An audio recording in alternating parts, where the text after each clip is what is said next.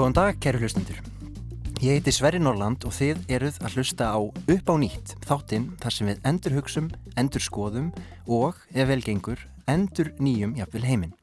Og ég fengi til minn góðan gest í dag, Guðni T.H. Jóhannesson, Forsitt Íslands og Sackfræðingur. Verður hjartanlega velkominn. Takk að þið fyrir.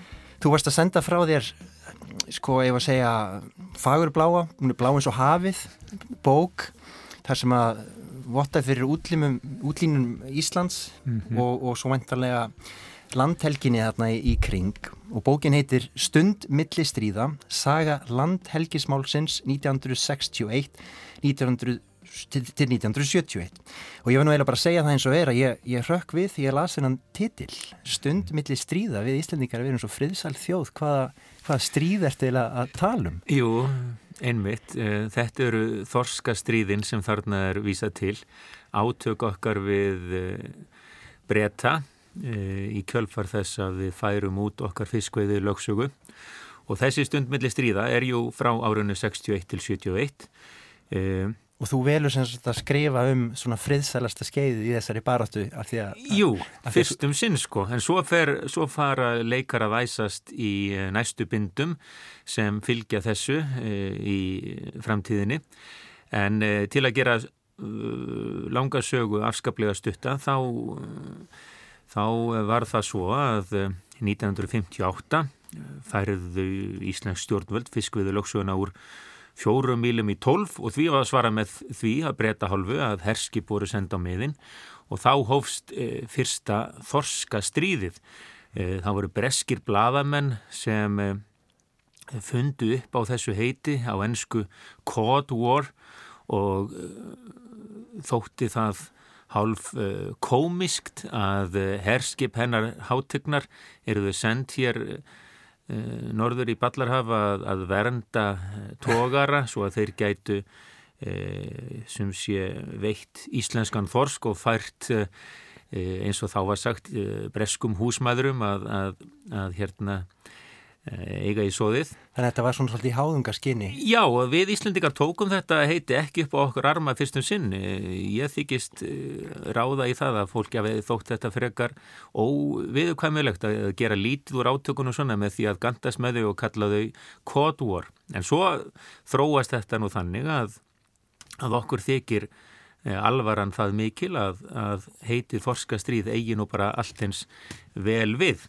Þannig að því þorskastríði líkur með samningum 1961 og það er sæmilur friður á miðunum til eh, 71 í það minsta. Mm. Þá verða sem sé stjórnarskipti á Íslandi og ný ríkistjórn tekur við völdum og hvest staðráðin í því að færa fiskveiði lögsjóna aftur út. Svo verður raunin 1. september 1972 mm. og Eh, þau okkar sem eh, muna þessa sögu eða þekkja vita sem eh, raunbar vitni að, að þá blossaði aftur upp ófröður á Íslandsmiðum og 1973 koma hér herskip aftur á miðin og þegar barist er um 50 milna lögsögu og svo aftur 75-76 þegar Íslendikar færa lögsögun út í 200 milur en þetta er allt saman Eh, spennandi saga og æsileg. Og þegar kom til átaka og áreikstra á miðunum þá, þá mátti minnstu muna uh, oft á tíðum að illa færi að mannskaðirði og, og uh, einn uh, varskipsmaður lést eftir að eftir að til átaka kom eftir að, eftir að það varða áreikstur á miðunum mm. og hann var að gera við þær skemmtir sem þá eruðu Þannig að því má alveg halda til haga að eh, orði þorska stríð eh, lýsi átökunum á miðunum og þeirri alvöru sem það ríkti ágætlega. En eh, á hitt er hins vegar að líta að, að þetta voru ekki stríð í þeim skilningi sem lagður er í það orð öllu jöfnu. Við getum tekið sem dæmi svona hefbundna og almennt samþykta skilgreiningu á stríði, hvað er stríð? Já, sumir segja að það þurfi stríðs yfirlýsingu jafnvel þó að svo sé nú ekki endilega raunin í samtímanum. En að það sé í það minsta umtalsvert mannfall, mannfall. Um, miklar skemdir, almenningur, líði þjáningar og uh, barist að báða að bóa með þeim vopnum sem til taks eru. Mm. Svo var ekki raunin í þessum átökum en það var í fjarrri mér og ég held uh, flestum öðrum að leggja til að við hættum að tala um uh, þorska stríð og færum frekar að, að lýsa þessu einhvern annan máta. Já, þorska stríð voru þetta og þorska stríð skuluði heita en ekki hefðbundin stríð Nei. í þeim skilningi sem við leggjum í, í alvæglegri átök. Þetta er bara sem... málvenja og þetta er svo rótgróðið í málinu. Já, en... og svo annað þessu tengt sko, 1976 kom út hjá hennu ágæta sögufélagi sem gefur reyndar út þetta er líka, bókin Tíu þorskastrýð. Mm. Og nú var ég rétt á þann að segja að fyrsta þorskastriðið hefði verið þáð eða hafist 1958.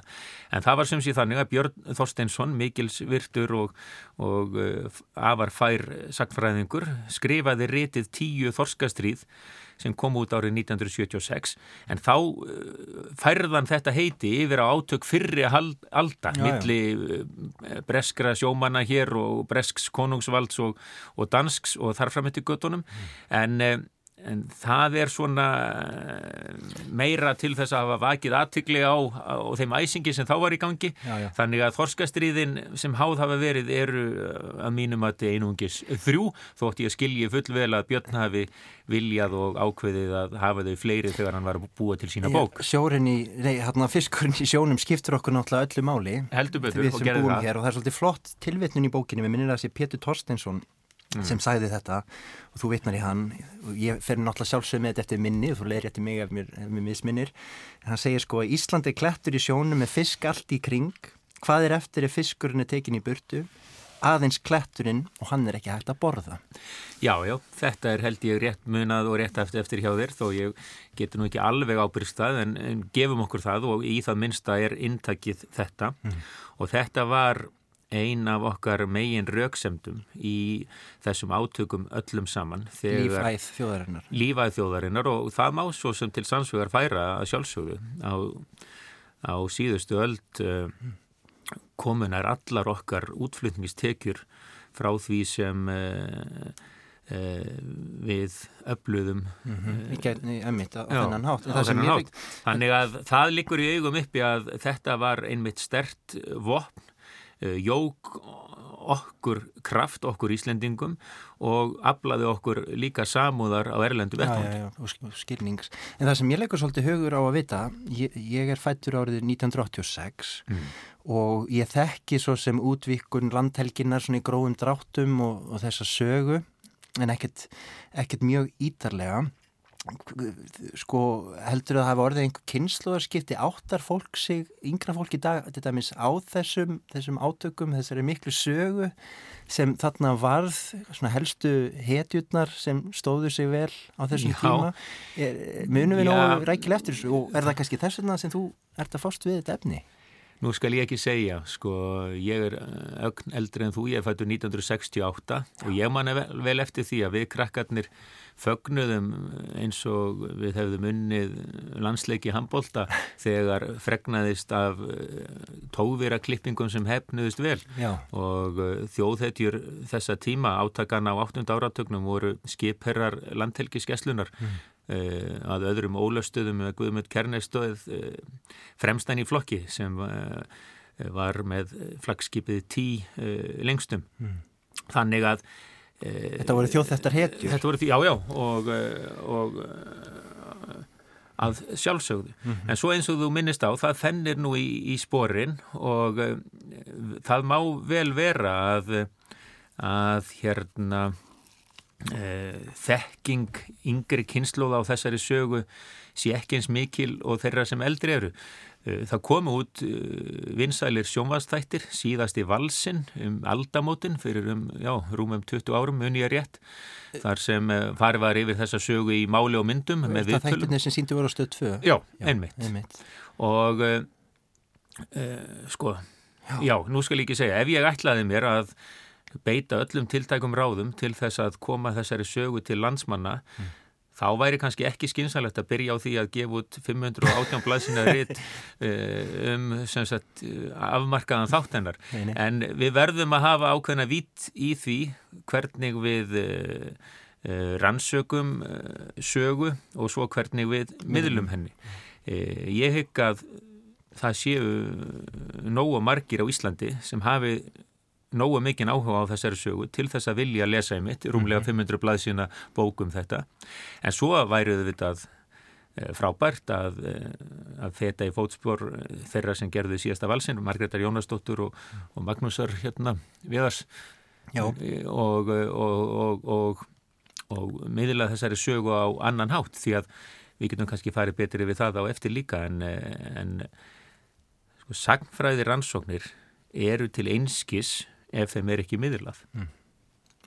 og þessi bók er að þvíleitinu til uh, viðleitni í þáveru en um leið uh, er hún grunnrannsókn þar sem er farið mjög ítarlega í uh, efnið eins og það leggur sig og, og kannski ekki árænilega þvíleitinu til. En, en samt um leið reyndi ég að Hún er uppfull af líka æslu um atbyrðum og, og, og sögum Hún, hún lengtist álitið til dæmis bara vegna þess að það eru tveir atbyrðir sem ég tek álið fyrir og reki í mjög lungum áli það er annars vegar þegar eh, skoski tógarinn Millwood undir stjórn hérna, þess þrjóska tógaraskipstjóra frá Aberdeen John Smith mm.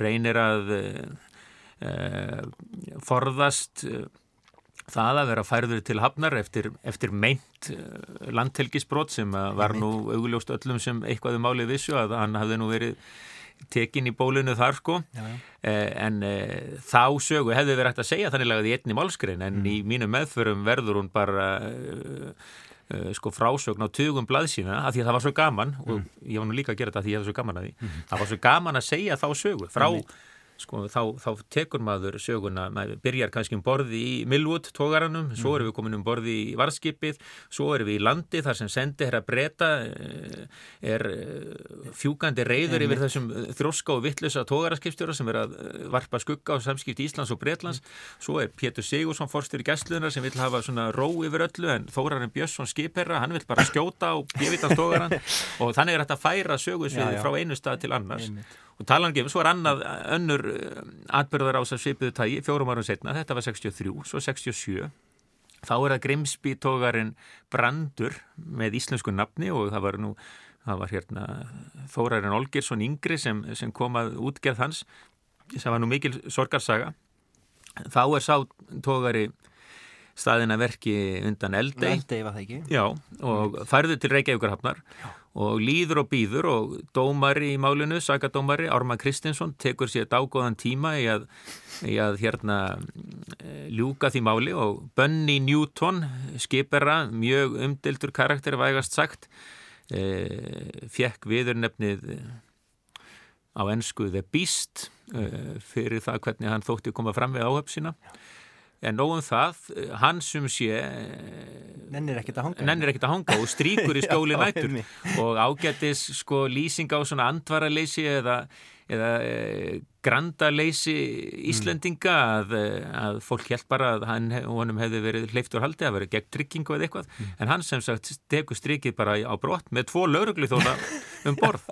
Og það verður náttúrulega fjandin laus þegar það uppgötast mm og uh, þá aftur, þá sögu hefðu verið að segja einnig tveimur setningu já, já, en, en uh, það bara er svo mikill efni viður í að rekit í þaula. Ég fór að hugsa að það verði að gera leikna sjómarsirpu upp úr þessu sko. Já, það væri vel hægt sko. Þannig eru ímis söguefni sko. Já. Þannig að ég, ég auðlýsi hér með eftir því. En, en, en þú ert líka kannski aðeins og, og það rýmar við þarna, svona þemun almennt í upp á nýtt hér hjá, í þættinu mínum. Þú ert svona aðeins kannski að endur skoða má segja einhverjar, einhverjan svona tólkanir á því, sko, ég veitna í þig. Þú segir að saga þorskastriðana verði aldrei sögð af sangirnur rétt síni eða þjóðræmba og sjálfbyrgingur ráða för En öðru máli gegnir um heilbritt stolt ánæju yfir að okkur Íslandingum tókst að verja hagsmun okkar og lífsafkomu.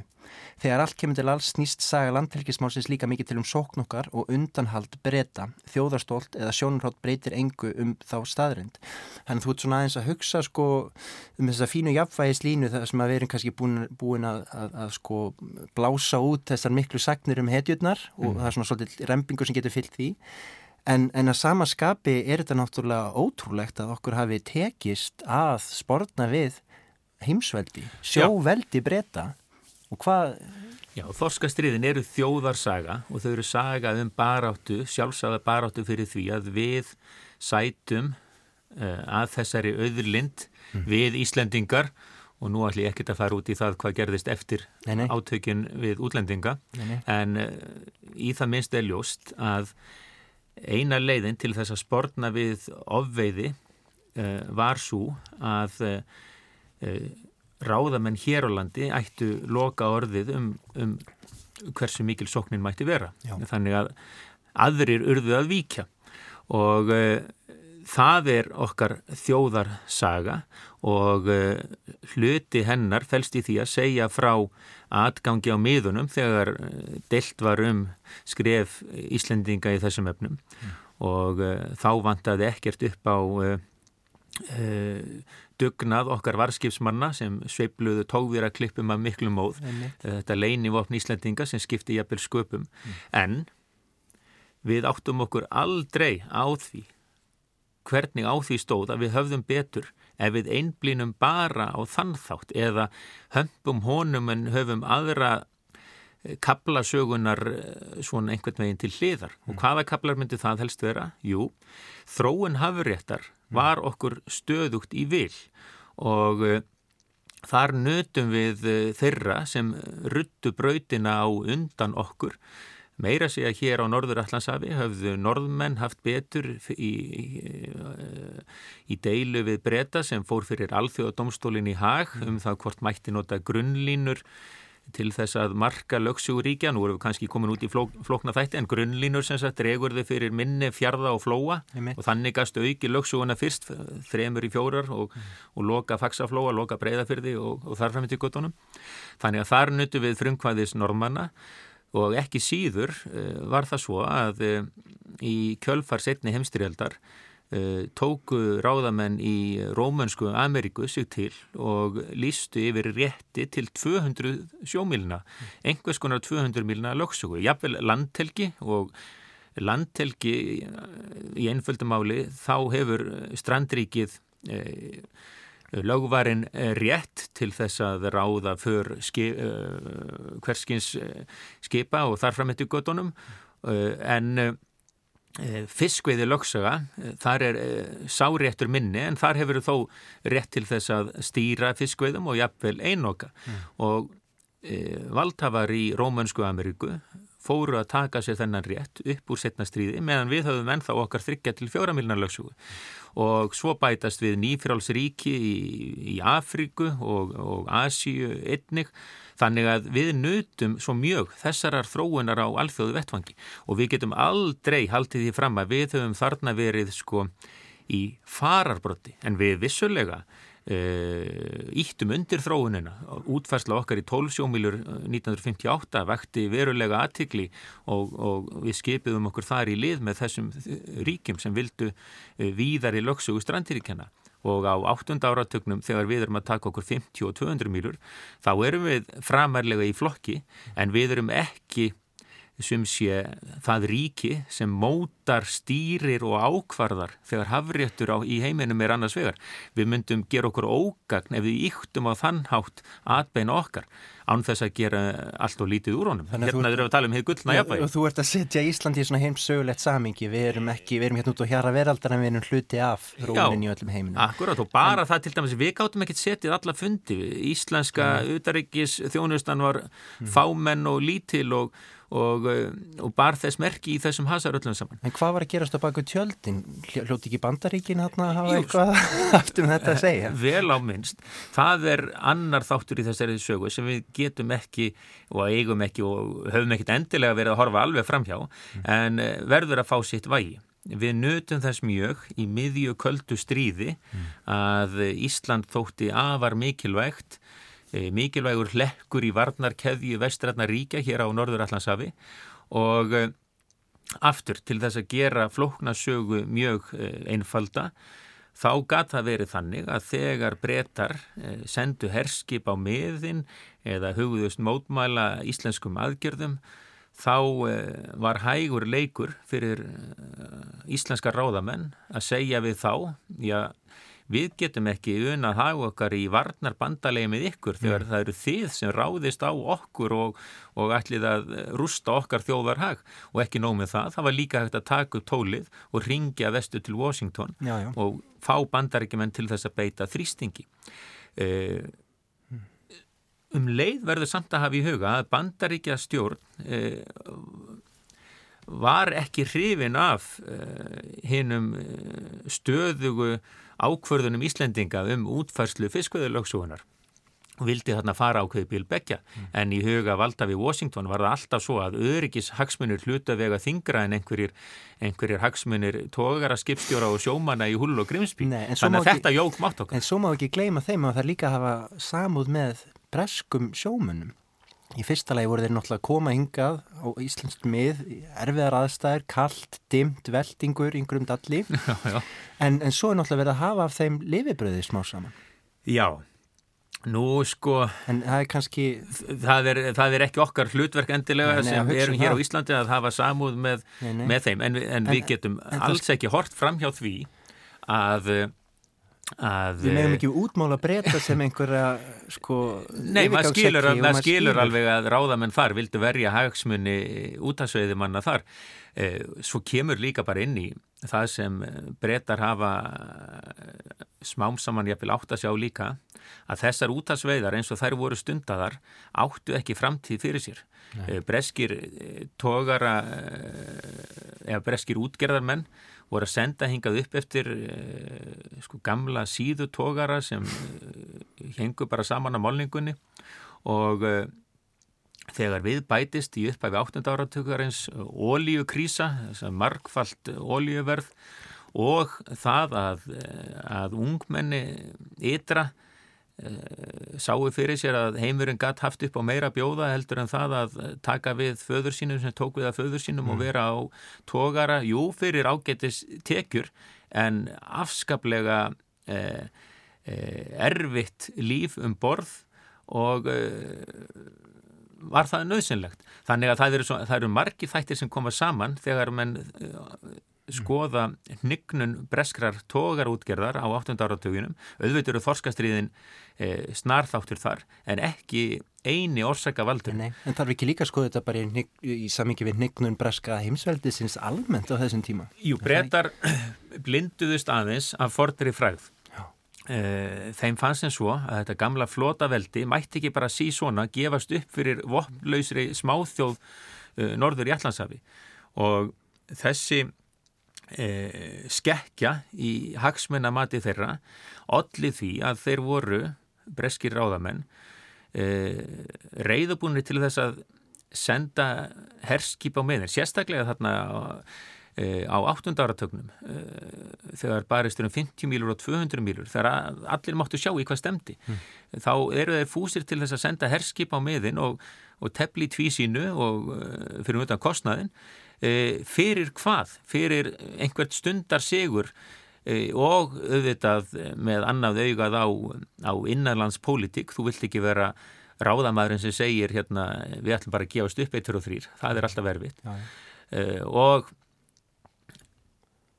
þannig að maður skilur þá ákverðan þeirra að senda herskipa meðin út frá því mm. og líka sko óbylgirni íslenskra valdhafa er auðvitað höfð til merkis hér um, um, um hérna það hversu amt þeim var um þjóðarhag. En öllum þessum deilum lauk með uh, samningum sent og um síðir og það má alveg skoða það og íhuga og, og uh, raugræða að uh, við hefðum hugsanlega getað náð ásættanlegri niðurstöðu með því að fallast fyrr á samninga og það er kannski eitt áttur sem ég fer inn á í þessu ríti líka að sko okkar sameigilugu minningar íslenskara þjóðar um þorskastriðin liggja meðal annars í því að við höfum nánast alltaf verið einhuga. Við höfum staðið saman um sameigilega hagsmunni. En svo var bara alls ekki raunin.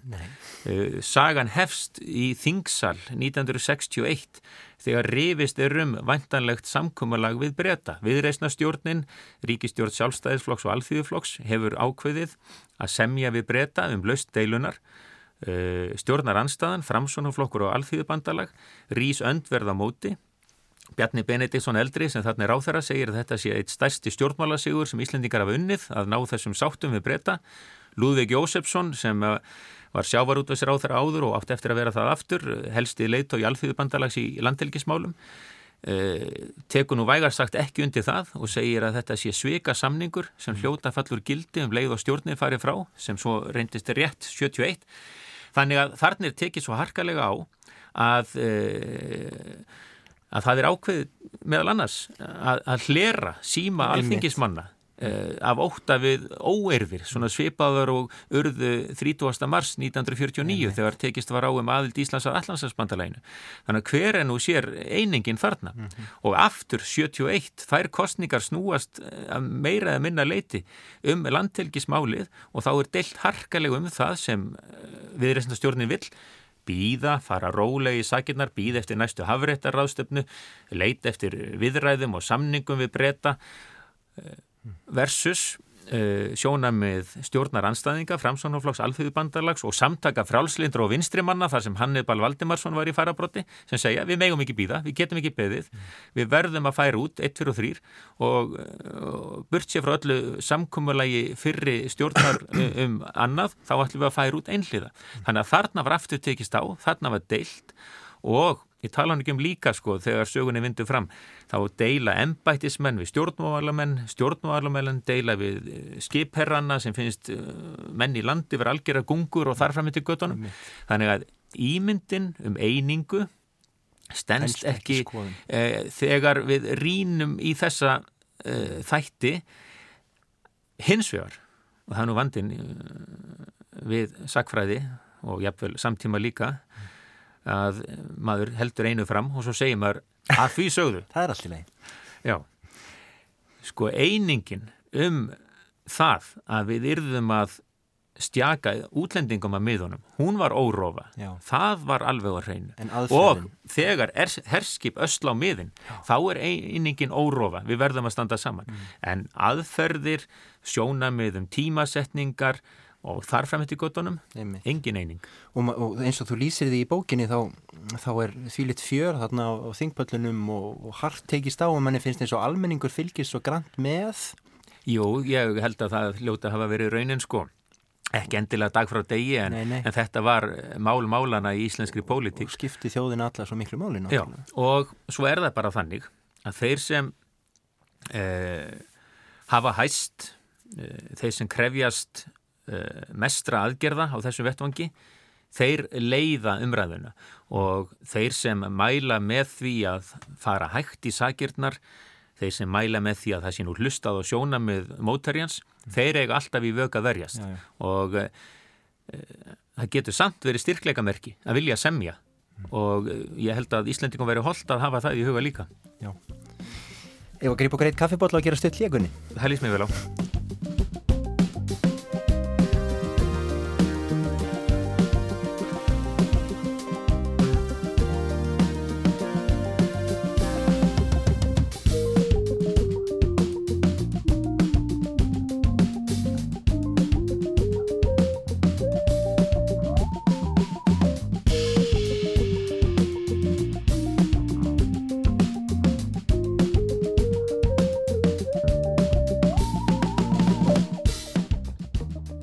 Þið eruð að hlusta á upp á nýtt.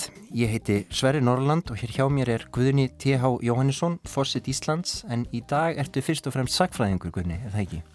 Jú, í þessu vittali fer ég í sagfræðingagallan fyrir þig. Það er nú ekki erfitt fyrir þig? Nei, það er ljúft, það er ljúft. það er stundu sagt að sigurvegararnir skrifi söguna. Er það svo? Ekki alltaf endilega, en uh, Eh, Hvað fælst í þeirri, þeirri, þeirri fullinningu? Já, það er nú frá sem sé styrjaldartímum komið að, að þeir sem tapa mm. þurfa að una því að Sigurvegarinn segi söguna frá sínum sjónarhóli og, og, og við því sé ekkert að segja mm. en, en, hvað, en hvað, hvað er sagfræði? Já, hvað er sagfræði? Eh, sagfræði er þessi, þessi lífsnöðsin okkar sem uh, dýrategundar hér á jörðinni að muna og segja frá og þar fyrir utan Eh, er sagfræði eh, vopn sem hægt er að nota á góða vegu til þess að ebla samkend og skilning og eins og allar góða bókmyndir samúð, já, en svo er líka hægt að nota söguna til þess að ala á óta, mm. ala á tortrygni, ala á ulvúð mm. og uh, Eh, eins og dæmin eh, sanna eh, Þannar, en, við, við, við, við segjum sögur að því að við getum ekki annað við viljum muna eins og ég sagði. En að segja sögur er kannski ekki alveg að sama á sakfræði og það var nú einn félagi minn í heimi sakfræðinga sem sagði einu sinni eitthvað í þá lund að, að vinsaldir sakfræði væri bæði böl og blessun. Eh, með ítrustu virðingu fyrir öðrum fögum í, í heimi eh, háskóla eh, tökum sem dæmi, ég veit ekki bara nú, nú félagsfræði eða jæfnvel mm. þjóðfræði þá, þá er ekki kannski sama pressa þar meðal þeirra sem yfka þau fræði að miðla sínum rannsóknum til almennings mm. en sagfræði, til hversi sagfræði mm hún lítur að vera til þess að fólk uh, utan uh, hins akademiska vettfangs fái notið hennar mm. og þá geta þau sem þessi fræði stunda lendi í dálítilli klemmu. Því að sagfræði getur verið afar flókið fag ef úti það er farið. Þar sem við veltum því fyrir okkur hvers vegna sumt sé tekið til umfjöllunar en ekki annað hva, hver efnistökin eigi að vera og hvaða vald fylgir því að ákveða að um þetta skuli skrifað en ekki annað. Eh, það er eh, helmingur mannkins átti sér eiginlega enga sögu þar til bara fyrir nokkrum áratugum er fyrst svona einmitt eins og það sé kannski að breytast það er að vera að segja sögu hópa sem hafa aldrei verið hluti af einmitt bara sagfræði rannsóknum vantanlega og, og, og svo, svo frammegi sko. en eftirstendur hitt líka að uh, það er ekki nóg, finnst mér að rétta kursin af að þessu leiti eh, við þurfum líka að halda áfram að eh, miðla þeirri sögu mm. og þá er það einfallega þannig að ef við reynum ekki að gera það á, á þann hátt að eh, lesanda líki þá erum við í vandraðum. Það er ekki nóg að e, e, taka saman efni um liðna tíð og láta sér engu skipta hvernig það er sett fram. Eh, þannig að eh, ég... Þannig að sagfræðingurum ber þá ábyrð að huga að viðtökum almennings og reyna að... Já, ég myndi minnst að kosti halda því fram að það eigi að vera eitt leiðarljós fagsins í heilsinni mm -hmm. svo getur það vel verið að fyrir sumum uh, liggi betur að, að uh, uh, hugsa djúft um eðli fagsins aðferðir og koma sínum rannsóknum á framfæri í, í, í formi lærðara greina. Sem aðrir vinna sig að aðrir geta unnið úr og, og allt í góðu með það.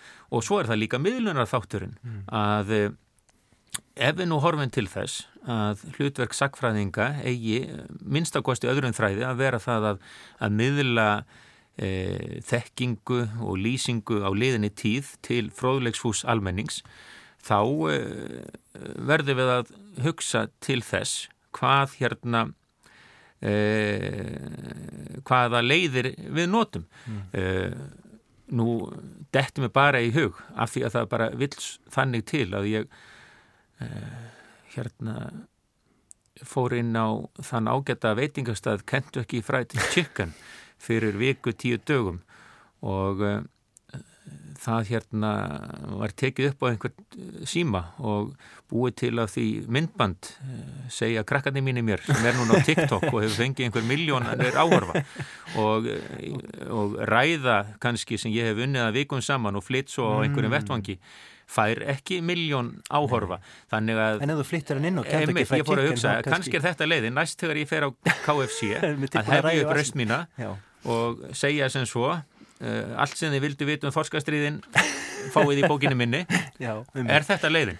Uh, þetta gandast ég aðeins með en nú er til dæmis svo að E, þegar við þögnuðum 11 alda afmæli Íslandsbyggðar 1974 og miðum við þá við þá heima tilbúinu eh, kenningu að, að 874 sé árið mm. sem aftur nú er ég bara veði úr einu ennað sem sko fræðarsamfélagi er ekkert, er en við verðum að miða við eitthvað mm. og eh, já, 1974 hefst útgafa mikillar réttraðar Saga Íslands 11 bindi, síðasta bindið kom út 2016, ágætis yfirferð á hildina litið um sögu þessa lands og fólk sem hér hefur búið þótt auðvitað megi alltaf bæta við og talandu um það, já við ætlum að bæta við við ætlum að endur skoða, við ætlum að endur nýja við ætlum að, að hérna eh, horfa á söguna ferskum sjónarhóli það er komin tími, finnst mér á sögu Íslands mm. eh, en þá jafnvel í öðru formi og hvaða form ætti það að vera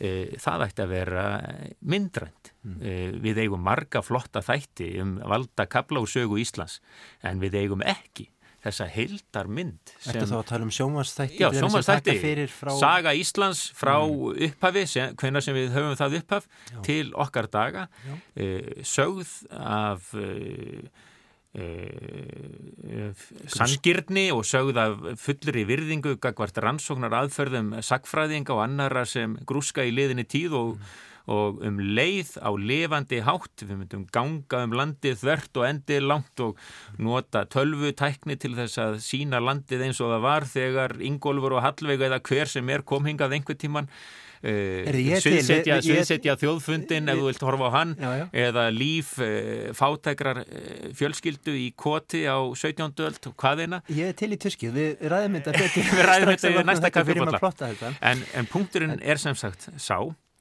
að við þurfum alltaf að e, skrifa söguna upp á nýtt. Mm. Hún er aldrei sögð í eitt skipti fyrir öll því að sjónarhort breytist og, e, og, og sjónarhortnin eru svo víða.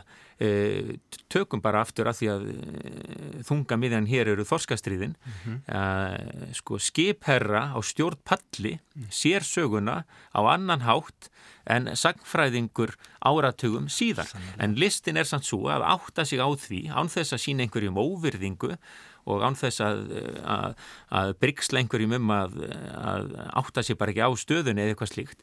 Þetta er bara í nótskurn eh, staðirænt málsins að eh, sjónar horn okkar miðast svo mikið af því hvar við erum hverju sinni. Sjálfsög, mér finnst frábært að heyra þig tala um nöðsinn þess að ná eirum almennings og mér langaði mynda að spurja þig um eitt sem þessu tengist og snerti kannski sko, sagfræði vitund nútíma íslendingar svona almennt.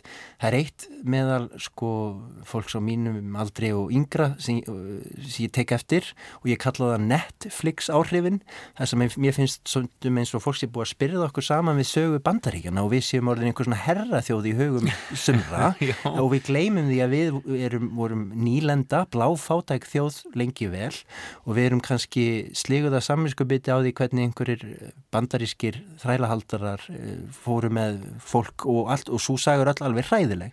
Þess vegna finnst mér mjög áhugavert þetta með að sko rifja upp sögu okkar þjóðar á einhverju aðgengluðu formi sem nær eirum ymmit allra og, og muna eins hvaðan við komum. Af því að mér finnst stundum eins og við séum aðeins svona neft inn í bara skján okkar og, og, og, og dæmis borginni mm. hérna í Reykjavík og við séum svona aðeins búin að gleima því hvaðan við komum? Jú, vissulega. Og, og þessi sko miðlunar leið eh, myndin mm -hmm. er eh, kannski mál málana núna. Hvort sem það er TikTok eða sjónvastættir eða kvikmyndir. En, en þá myndi ég að segja sem svo aldrei fari í bíó með sakfræðingi ef myndin lítur af liðinni tíð og einhvern nátt að því að hann, já, kipist við já, þetta var nú ekki svona ég... þann er nú íkt og, og þar fram í til göttunum og, og frábærar kvikmyndir eh, sem gerðar hafa verið mm -hmm. við skulum segja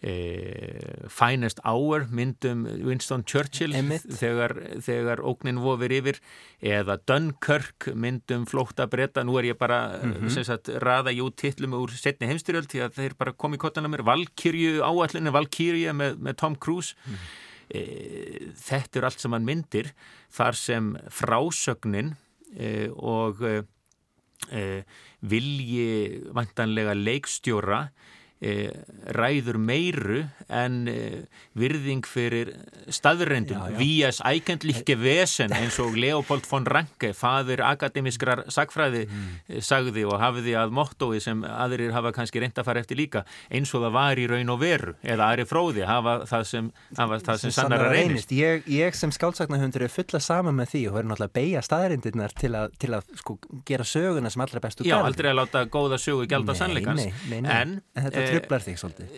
Já, sko, ég bara, ég hef hort á þessar myndir sem ég nefndi hérna, umræðir minnst og og bara reynda að njóta þeirra en eh, jú, það hefur komið smá sakfræði púki í mér og, og, og vilja benda á að, að þarna sé nú verið að segja söguna öðruvísi en, en eh, raunbar vittni og Winston Churchill hefði aldrei farið í, í hérna neðaðjarðarlestinni að spjalla við, við, við hérna landa sína svo maður takk eitt dæmi sem er bara fast í kollinum að mér akkurat núna. Já, já, ég, ég ræk hérna auðvun í það að góðir bókmyndumæður var einmitt að eh, minnast á það einhvers það er nýlega að hann hefði verið að lesa sakfræðilega skáldsögu, sögulega skáldsögu og það hefði verið staðrindið að vilja á fyrstu síðu og hann hann, sko, hann hrökk við og hann þurfti að leggja frá þessu bókina. Já, þetta já, tröflar mig ekki neitt, ég er svo heppin að ég veit. Og á hinbógin, aftur að því sögðu að því við skoðum sögu, sögu, sögu og liðna tíð og hvaðina frá eins mörgum sjónarhóttnum og við getum þá hafa, hefur sjónvarsefni e, valdið jafnvel ströngkvörfum þættirnir rætur sem tóka á þrælahald í bandaríkjunum. Já gerðu miklu, miklu meira en nokkurt fræðir ritt mm. þótt þar hafi verið skáldað í eyður og sagan sögð eh, án þess að alltaf veri leitað að neðamálskrein og, og hérna, mm. eh, heimil til þess að staðreina. Mississippi Burning um, um hérna réttindabaróttu í, Suðuríkjum bandaríkina aftur að því tengið að við rætur uh, Schindlers List og, og, og, og þar fram með til gottunum þannig að hér eru við að tala um það að myndefni getur komið til skila eh, breytingum í, í, í ákvæða átt sem fræðiritt eh, getur ekki valdið. En svo máttu ekki vannmeta kraft útvarpsins og, og hlaðvarpsins í setni tíð og það hafa verið... Já, sko... já, við erum að tala hér saman, ég vonaði einhver hlusti, ég fór í hérna drauga fortíðar með Flosa Forgersinni, mm. sakfræðingi og, og félögum mm. og, og hlaðvarp eru þetta nýleið eh, til þess að til þess að eh, koma eh, skoðunum, sjónamiðum og þekkingu á framfæri. En svo vil ég samt halda því til haga líka að eins frábært og allt þetta er, þá getur eh, hraðinn og krafan um framleiðslu valdi því að fólk ná ekki að kafa nú og djúft ofan í hlutina. Ég byrja að sko, heia mér efni í sögu landtelkismáls og þorskastriða sko, líkum við að segja sent á síðustu öll Já, það fer ekkert á milli mála það... Já, eh, þannig að e, við verðum líka átt okkur á því að fræði ritt e, djúb rannsókn á tiltöknu efni þarf sinn tíma. Og þess vegna þurfum við að hlúa mjög að e, fræða rannsóknum mm. og sína því skilning að ef það er alltaf krafa um framleiðslu og hraðaframleiðslu mm. þá þá erum við ekki í góðum málum. Ég held líka mitt að við erum aðeins að gælda var við sko við erum að framlega gott myndefni en ég þekki það að hafa aðeins starfað í sjónvarpi að það sem þú miðlar í gegnum sjónvarp það er allt, önn, þetta er allt annar miðill enn til dæmis útvarpið Já. og svo náttúrulega bókartekstin Já, og það er miklu erfiðara og ég segi þetta verðandi mikla verðingu fyrir þeim sem starfa í sjónarbi og kveikmundi gera fólki, það er miklu erfiðara ofta að fara á vissa tegund dýftar í, í, í sjónarsefni en, en, en í bókarteksta þú getur farið á aðra dýft, tilfinningarlega dýft og ímestett svona. Sjónvarp einfaldar, bækur ekki, flækja. Já, Sjónvarp einfaldar, bækur flækja. Og við hverju vandamáli til laust sem býr til nýtt vandamál. En, en þannig að ég held að við verðum að, við verðum að hlúað öllum miðlum. Já, og fyrst, nú þegar ég hef sagt það þegar þú ert ekki að sinna hluturki þínu sem fórsitt Íslands þegar þú ert ekki að stunda og skrifa sagfræði bækur. Hvað lestu þá? Ég les uh, sagfræði og æfisugur. Og er það þannig sem þú slappar að? Já, nöys þykkar æfisugur eru mitt uppáhald Já. og uh, bækur um uh, stjórnmál samtíma. Mm. Ég les skaldsögur og hef indi af því mm. en ég laðast nánast alltaf aftur að fræðunum Já. og Það er heppilegt. Já, ég, svona er maður bara og getur ekkert að því gert. Þannig að fátt veit ég betra en að setjast í, í góðan stól út í hodni með kaffibotla og gott ljós yfir höfðu mér mm. og, og, og góða bók í fanginu. Já, ég get ekki undir það og óttu er þá einhverja eftirleitis höfunda til dæmis eða... Ég skal ekki segja, Erlendis, uh, mér þykir Pítur Hennessy, minn lærifaður, eitt þeirra, mm. skrifa á frábæran máta. Mm. Uh, hér á Íslandi er Thor Whitehead meistari frásagnalistar í sagfræði, uh, bækur hans um heimstyrjöldina, glæsilegur vittnesbyrður um það hvernig á að segja sögu þannig að maður sógist inn í tíðarandan og, mm. og uh, þykir maður bara að vera á staðnum. Og það lítur að skipta málinn svo að segja hann að ná til fólks. Já. Og, og það, það er, það er mikill líkill og, og svo geta menn blanda saman.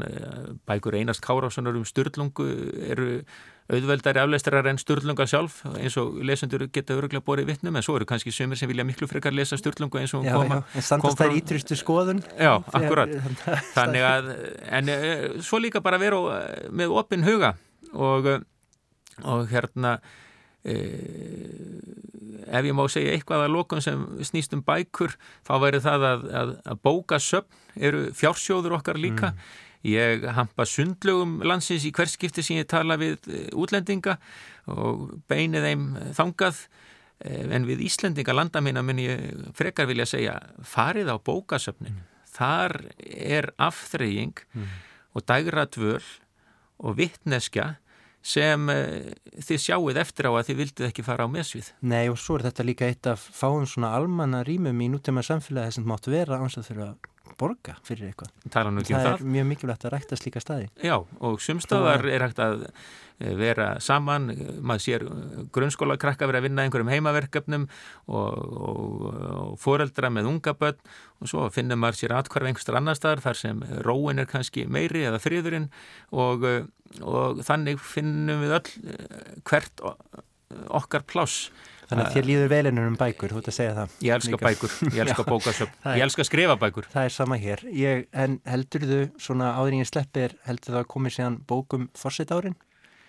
Það ertu, veit ég nú ekki. En, ég held til haga því sem mér þykir markvert en, en næsta dagskrá er að halda áfram með sögu landtilgismálsins.